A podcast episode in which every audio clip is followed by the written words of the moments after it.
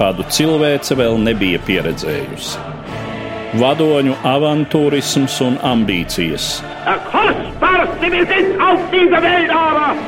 Valsts vīru neizlēmība un ilūzijas. Arvien jaunas valstis ievilktas kara virpulī. United States of America was suddenly and deliberately attacked. Nežēlīgi malti cilvēku un tautu likteņi.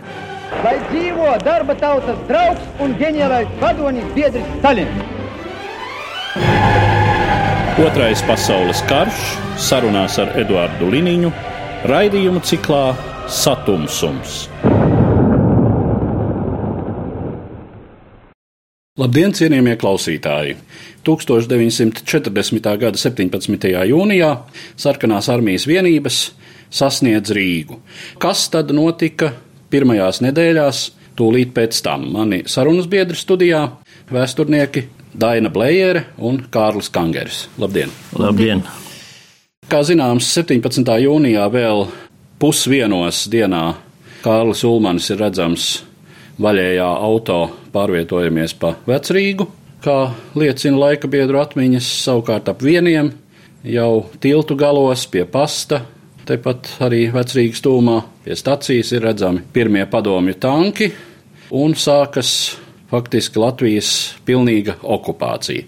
Kas ir, var teikt, tā instruments un ievads Latvijas valstiskuma demontāžai. Un faktiski tas, par ko mēs šodien runāsim, ir tas process, nu kā tad notika eh, Latvijas valsts iznīcināšana tūlīt pēc padomju karaspēka ienākšanas. Bet varbūt sāksim ar tādu jautājumu, kas arī ļoti daudziem varbūt nav līdz galam skaidrs par tiem padomju spēkiem, kas jau pirms 40. gada 17. jūnija darbojās šeit Latvijā. Daudz maz skaidrs ir jautājums par karabāzēm, kas atradās kurzemē, bet nu, tā tad runa par to, ko mēs dēvējam par piekto kolonu. Cik nopietni ir vērtējama Staļina vai padomju NKVD vai klasiski sakot aģentūra šeit Latvijā? Nu, kas attiecās uz šo piekto kolonu, tur ir varbūt jārunā par diviem spēkiem. Viens spēks, protams, tā ir Latvijas kompartija, taču Latvijas kompartija šajā laikā bija ārkārtīgi dezorganizēta un ārkārtīgi vāja. Viņas vadība atradās cietumā, kompartija bija ārkārtīgi novājinājuši represijas Padomju Savienībā pret tiem latviešu komunistiem un komentērnas darbiniekiem, kas atradās Padomju Savienībā un kas bija izsaukt arī no Latvijas uz Padomju Savienību uz Maskavu. Un faktiski kompartija nevar uzskatīt par kaut cik nopietnu politisku spēku absolūti šajā laikā. Un tas parādījās arī pašās pirmajās dienās pēc okupācijas, kad kompartija līdz tās vadības iznākšanai no cietuma un vēl pāris dienas pēc tam faktiski nebija rīcības spējīga. Tie kompartijas biedri, kas darbojās aktīvi šajā laikā, acīm redzami, tie bija cilvēki, kam bija sakara ar PSRS vēstniecību. Otra lieta ir NKVD aģentūra un arī armijas izlūkdienas aģentūra, kas arī nav mazsvarīgi. Ir pilnīgi skaidrs, ka visus 20. un 30. gadus, bet vismaz kopš 38. un 39. gada Padomju Savienība bija stipri pastiprinājusi savu darbību šajā jomā Latvijā. Un, protams, ka padomju karabāzu nodibināšana Latvijas teritorijā stipri atviegloja šo pasākumu, kā arī tas, ka Latvijas valdība centās nepasliktināt savas attiecības ar padomju savienību. Ņemsim kaut vai vērā, ka, teiksim, tajā pašā Kirhenšteina valdībā bija kā minimums trīs, ja ne četri cilvēki, par kuriem skaidri zināms, ka tie bija padomju slepeno dienestu aģenti. Tātad Vilis Lācis, Pēteris Blaus, Vikentijs Latkovskis, un ir diezgan tāds pamatots aizdoms arī par kara ministru Robertu Dambīti. Tika vervēti aģenti inteliģents aprindās, bet, protams, lielā mērā tika izmantoti arī sakari kompartijas aprindās. Lai gan kompartijā, protams, bija, teiksim, cilvēki, kas bija savervēti kā NKVD aģenti, viņi, protams, īpaši aktīvu komunistisko darbību nevarēja vest, lai gan dažkārt viņi to apvienoja. Otra lieta, sakarā ar karabāzēm, ļoti interesantu ainu parādīja, mēs pāanalizējam 17. jūnijā un pirmajās dienās uzreiz pēc okupācijas, kur tad notika kaut kādas nekārtības lielāka mērā mēroga. Tās notika Liepājā, tās notika ap Ventspili un tam līdzīgi. Respektīvi, tas ir cieši saistīts ar tiem reģioniem, kurās atradās padomju karabāzes. Lielā mērā, acīm redzot, šīs darbības bija inspirētas no padomju armijas izlūkdienesta puses, un bez šaubām, ka karabāzu vadība tā vai citādi atbalstīja šīs darbības. Latgales pusē, piemēram, ir tikai viens incidents lielāks, tas ir Dominika Kaupuža mēģinājums Kārsavas pagastā pārņemt varu. Ir skaidri dokumentēts un zināms, ka tas arī bija armijas izlūkdienista inspirēts pasākums, jo Dominiks Kaupužs bija pārbeidzis pirms tam pāri robežai. Tur viņš bija ticies ar sarkanās armijas izlūkdienesta pārstāvjiem, kuri viņu bija instruējuši, un viņš bija atgriezies atpakaļ Latvijas teritorijā. Nu, šis mēģinājums sagrābt varu izrādījās nepārāk veiksmīgs, taču šā vai tā tas liecina par to, ka armija diezgan aktīvi darbojās, un pat grūti pateikt, cik saskaņoti ar NKVD šajā gadījumā. Iespējams, ka armijas izlūkdienas zināmā mērā uzņēmās kaut kādas patstāvīgas aktivitātes. Jā, te varētu varbūt piebilst, runājot par vispār situāciju Padomju Savienībā tieši Staļina laikā. Raksturīgi ir tas, ka armija, NKVD un partija zināmā mērā ir savstarpēji konkurējoši spēki, un tur tās attiecības nebūtu nav tik monolītas brīžiem. Nu, visumā jā, bet šajā gadījumā varbūt ir tas, ka vispār, piemēram, apspriežot jautājumu par Baltijas okupāciju, sarkanās armijas toreizējais galvenais politvadītājs Mehlis, principā bija, spriežot pēc visa visradikālāk noskaņotais. Un, teiksim, gan Masļenko epizode, uzbrukums robežsargu postenim, gan arī šīs armijas izlūkdienesta darbības, kas, starp citu, vēlāk tika no politiskās vadības puses, piemēram, Liepājā nodēvēts par provokācijām un tam līdzīgi. Tas liecina to, ka iespējams armīnieki bija par tādu aktīvāku darbību. Un it sevišķi tas parādās pašās 17. un 18.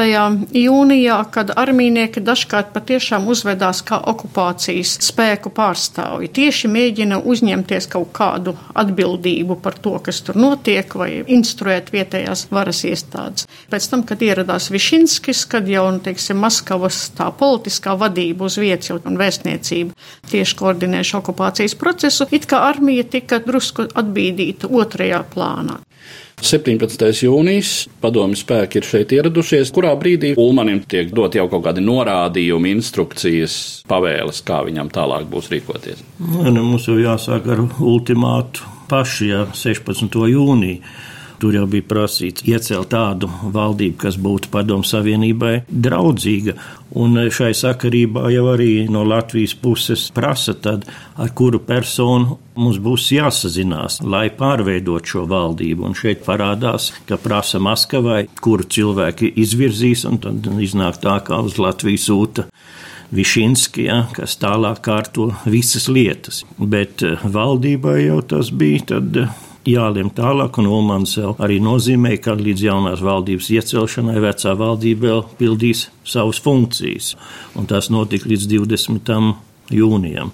Bet tikko ieradās Višinskis Rīgā, tad viņam bija garāka tikšanās naktī jau ar Ulmanu, vēlāk ar tik Munters pieaicināts sarunās starp Bišinski un Ulmanu, par ko mēs saturu tuvāk nezinām, virzīt šie jautājumi tālāk. Bet vismaz kā Ulmans izsakās, tad vismaz viņš pēc šīs sarunas domāja, ka viņš ilgi amatā nepalikšot.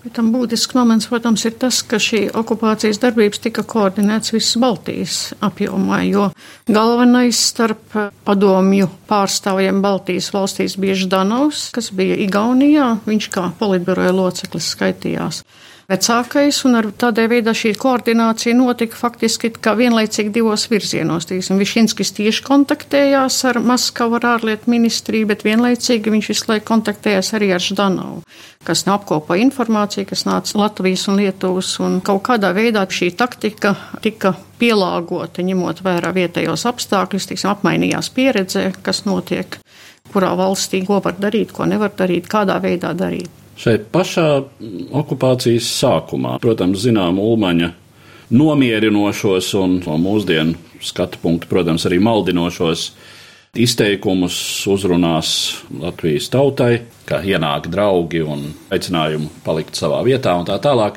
Bet uh, vai vispār ir un cik ir to gadījumu, kad kāds mēģina izrādīt kaut kādu pretošanos par spīti tam, ko vadonis ir licis pie sirds?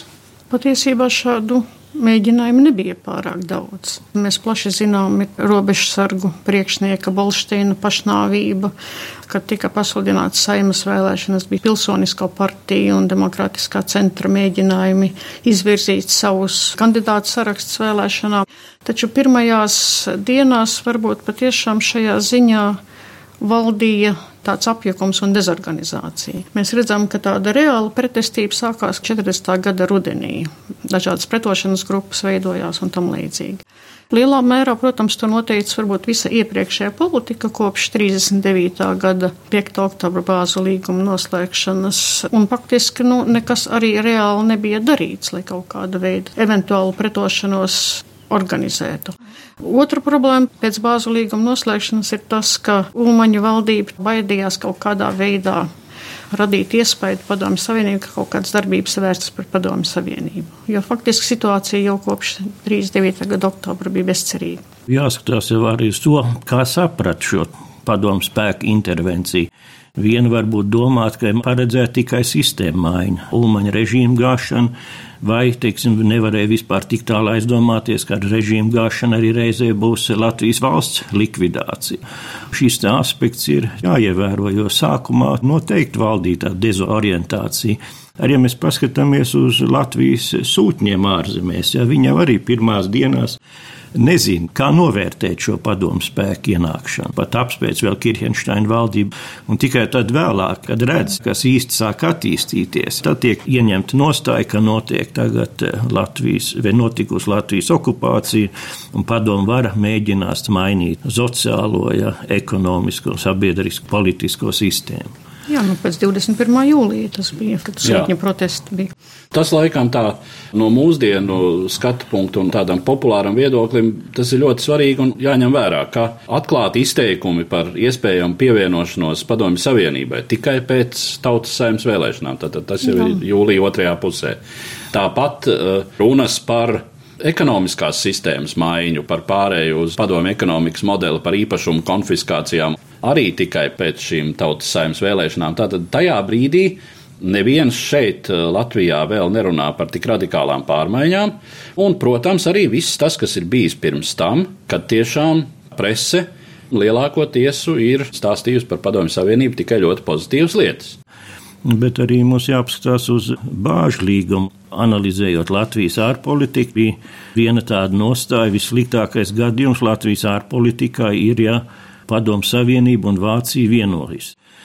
Tad vēl 38. gadā Latvija atteicās no Tautas Savienības desmitā paragrāfa, no Tautas Savienības garantijām, un tad nāca 39. gada septembris, oktobris, kad Latvija bija domājusi vismaz uz papīra pretoties visām intervencijām, gan no rietumiem, gan austrumiem, un tad uzzinot Latvijas armijas nesagatavotības stāvokli, tad Ulmans 28. septembrī pieņem to lēmumu, ka nepretosies. Un Ulmanim bija ļoti svarīgi, ka līgumā ierakst to, ka Padomu Savienība neiejauksies Latvijas iekšējās lietās. Kad ministra kabinetā apsprieda šo jautājumu, kamēr Munters Maskavā tirgojās par uh, līgumu tekstu, Tad vienīgais, kas protestēja, ir iekšlietu ministra veidnieks. Viņš teica, ka par visu cenu vajadzīgs pretoties, bet tad viņi garās pārunās pārliecināja, ka iespēju nav un uh, būtībā šis lēmums ir jāpieņem, un tad beigās kabinets vienojās, ka to darīs vienbalsīgi. Un tā tas arī notika. Visa šī tālākā attīstība jāskatās ka bija būtībā bezcerība. Vācija atteicās sniegt jebkādu palīdzību militāru. Latvijas armijā varēja mobilizēt apmēram 250 tūkstoši vīru bet nebija apbruņojuma, nebija munīcijas. Principā armija eh, nebija sagatavota kara stāvoklim. Varbūt ideoloģiski viņi bija apmācīti, bet nebija tieši tās gatavības, lai varētu pretoties. Un, ja mēs apstāmies Ulmaņa pratināšanu Čekā, ja, tad Ulmans saka, ka viņš 40. gada 17. jūnijā būtu bijis pat ar mieru pieņemt Vācijas palīdzību, ja vācieši būtu piedāvājuši tajā laikā. Te varbūt ir daži momenti, ko ātri ir vērts atgādināt, ka tiešām jau kopš 36. gada Latvijas aizsardzības koncepcija bija orientēta uz rietumiem. Tātad primāri pret iespējamo uzbrukumu no Vācijas puses. Ar to ir lielā mērā izskaidrojama šī armijas nesagatavotība 39. gadā. Un kā vismaz man ir apgalvojuši kara muzeja kolēģi, tad 39. un 40. gadā notika tāda steidzīga šīs aizsardzības koncepcijas tomēr maiņa un pārorientēšanās austrumu virzienā, ko, protams, nevarēja paspēt īstenot tā viena gada laikā. Par militāro stratēģiju vēl varētu pieminēt to, ka bija padomu bāzes izvietotas Liepājā un Ventspilī, tad pacēlās jautājums, kā pārgrupēt Latvijas karaspēku.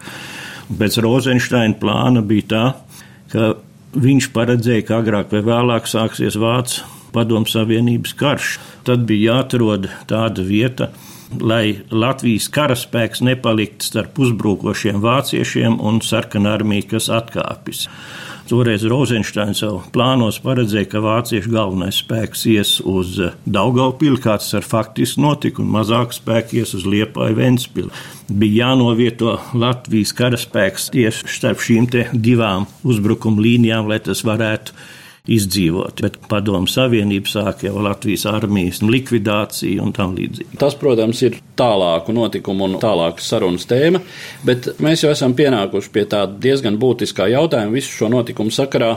Ulmaņa 15. māja režīma loma šajā Latvijas valstiskuma demontāžas procesā visu laiku šī problēma tiek reducēta pirmkārt tieši uz Ulmaņa lomu, ko varētu saprast, jo viņš bija autoritārās valdības galva, vadonis un tam līdzīgi, bet tajā pašā laikā man tāds sajūta, ka mēs it kā izslēdzam, un to var ļoti labi redzēt atmiņās, ka laika biedri, kas ir tās uzrakstījuši, ka viņi arī labprāt pieņem šo versiju, ka Ulmanis patiesībā par visu atbildēja un ka viņi ne par ko neatbildēja, ka viņi it kā ir, teiksim, tādi apstākļu upuri.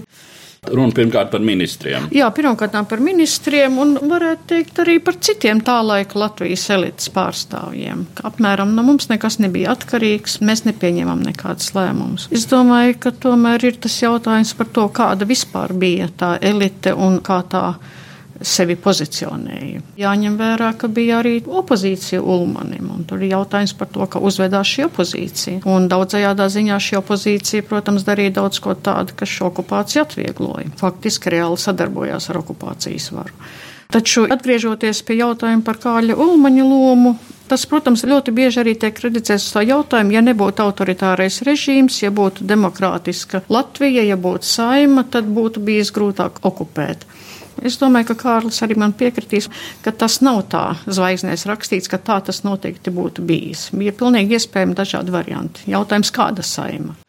Ja tur būtu liela kreiso sociāldemokrātu ietekme, tad pilnīgi iespējams, ka tikpat labi būtu pieņemts gan bāzu līgums, gan arī vēlāk 16. jūnija ultimāts. Cita lieta ir, protams, ka demokrātijas apstākļos varbūt presse būtu mazāk kontrolēta, vairāk informācijas nonākt sabiedriskajā apritē, būtu varbūt dažādāk viedokļi par to, ko darīt un kā darīt. Un varbūt viss šis process būtu bijis priekšpadomju savienības daudz grūtāks, prasīt vairāk laika, lielāks pūles.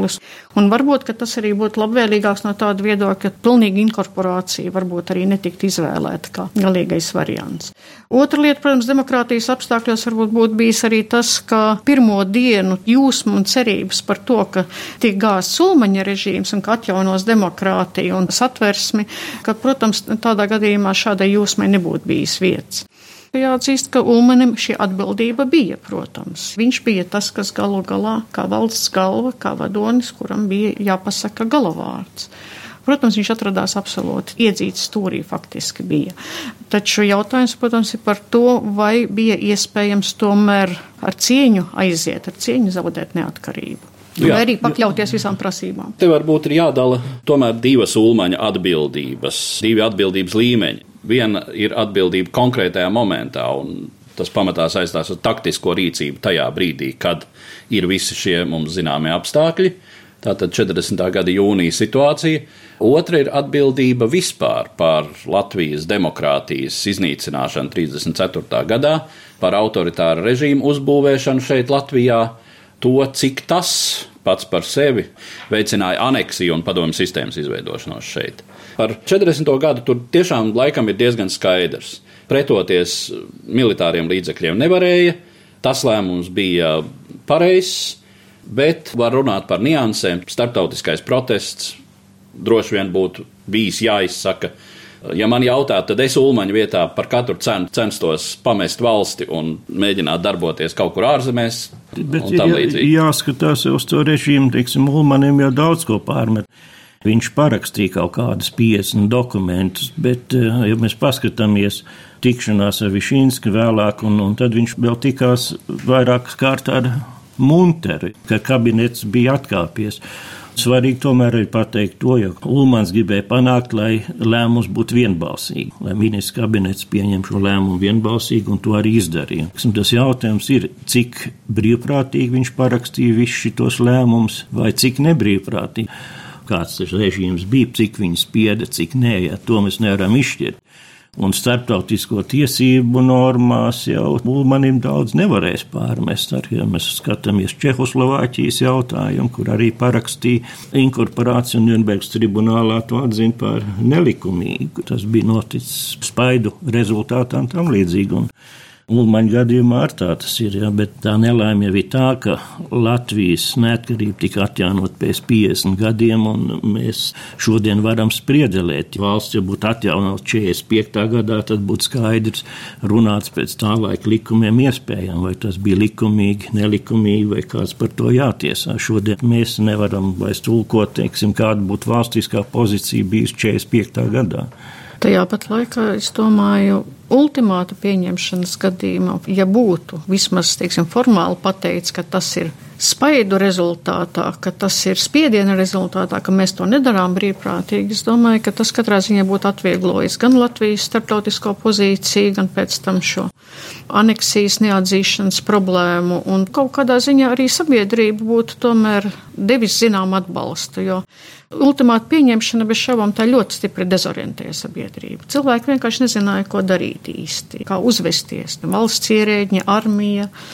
Mm, vienkārši, vienkārši Bet cilvēkiem. Latvija vēlējās, lai to tulko tā, ka viņi pilda pilnā mērā 5. oktobra bāžu līgumi. Tā tas bija ar notāko. Nu jā, Munters gan, nosūtīja uz Maskavu. Jā, lai gan Ulmaņa un Muntera līmenī jau bija zināms, ka bija tādi mājieni, piemēram, Vācijas vēstnieks Koce ir teicis, ka Latvija tiks inkorporēta padomju savienībā. Nevēlāk par 40. gada septembri bija arī citi avoti, kas teica, ka tāds scenārijs ir iespējams. Valsts vīriem bija jārēķinās arī sliktāko iespējamību. Nu, jācer, ka pats sliktākais nenotika. Runājot par Kirchensteina valdību, un tas, ko mēs šīs valdības sakarā arī zinām, ka no vienas puses šai valdībā tātad jūsu pieminētie cilvēki, kuriem bija nepārprotami sakari ar padomju izlūkdienestiem, no otras puses tie lielāko tiesu ir Latvijas sabiedrībā pazīstami cilvēki.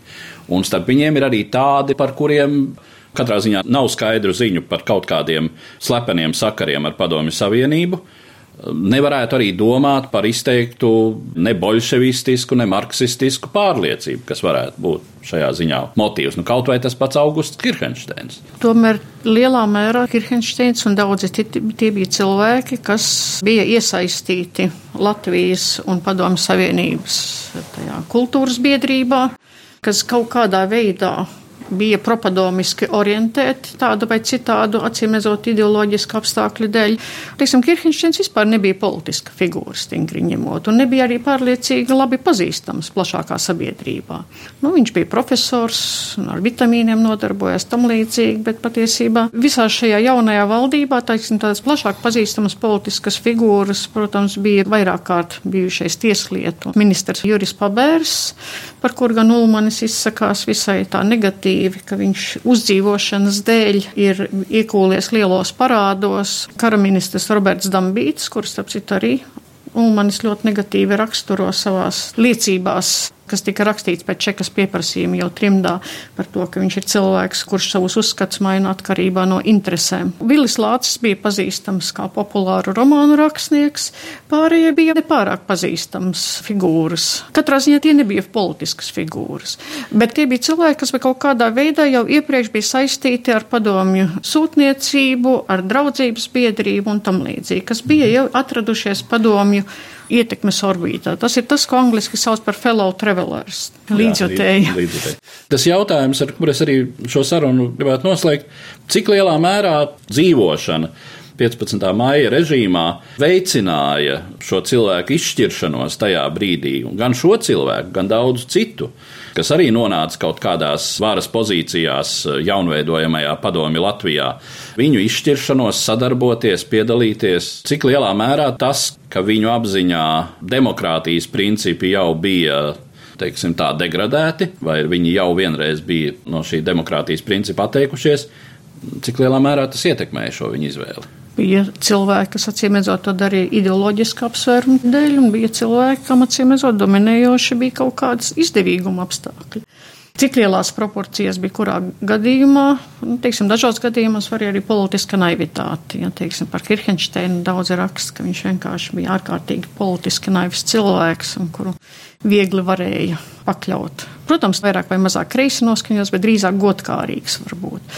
Lai gan šīs liecības ir diezgan pretrunīgas, tomēr arī viņa personības novērtējums. Protams, šis kreisuma potenciāls un propadomju noskaņojuma potenciāls īpaši inteliģents aprindās tomēr bija diezgan jūtams. Neaizmirsīsim to, ka Sociāldemokrātiskā partija bija lielākā Latvijas politiskā partija parlamentārisma laikā. Turklāt bija arī dažāda veida kreisās partijas, kas bija mazākumtautību partijas. Ebreji kreisie cionisti, krievu kreisi noskaņotās partijas.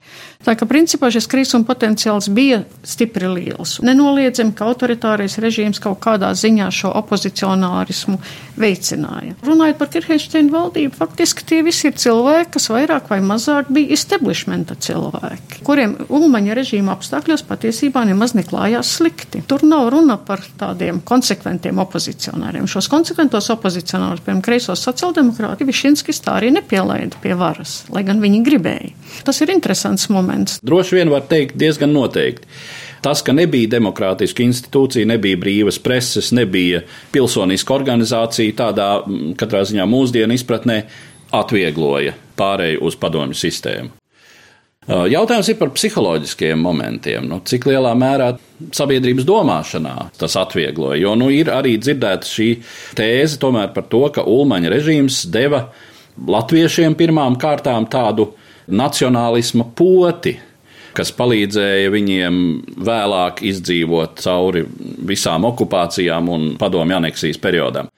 Protams, es domāju, ka nevar vērtēt par zemu arī tādu adaptāciju autoritārā režīma apstākļiem. Te es atceros vienmēr dramaturga Mārtiņa Zīvērta izteikumu viņa autobiogrāfijā. Viņš teica tā, ja nebūtu Ulmaņa režīma, ja nebūtu tās 34. gada Latvijas, tad staļinismu iestāšanās daudziem liktu sajukt prātā bet tagad mēs jau bijām iemācījušies ņirkt. Kā viņš teica, mēs bijām iemācījušies smieties. Tas palīdzēja izdzīvot. Es domāju, ka patiesībā šī ietekme bija ārkārtīgi pretrunīga. No vienas puses, patiešām Ulmaņa pamat ideja, pamat doma acīm redzot, bija patiešām saliedēt Latviju nacionāli un valstiski, jo, protams, šī attieksme pret Latvijas valstiskumu 20. un 30. gados bija ļoti atšķirīga. Panākt kaut kādu veidu nacionālu konsolidāciju. Lielā mērā tas patiešām arī izdevās. Bez šaubām jaunā paudze tie cilvēki, kas izglītojās un auga autoritārā režīma apstākļos, viņu nacionālā pašapziņa un valstiskā pašapziņa bija visai spēcīga. Tajā pat laikā, protams, autoritārisms jebkadā gadījumā neveicina iniciatīvu, neveicina varbūt tādu pilsonisko aktivitāti. Un tur bija arī tā problēma, ka, protams, tās aprindas, kas bija opozīcija Ulmanim, tās, protams, uztvēra lielā mērā šī režīma krišanu, vismaz, teiksim, sākuma posmā, pirmajās dienās pēc okupācijas un šos demokratizācijas solījumus uztvēra pilnīgi nopietni. Tas, protams, Padomju Savienībai stipri atviegloja uzdevumu.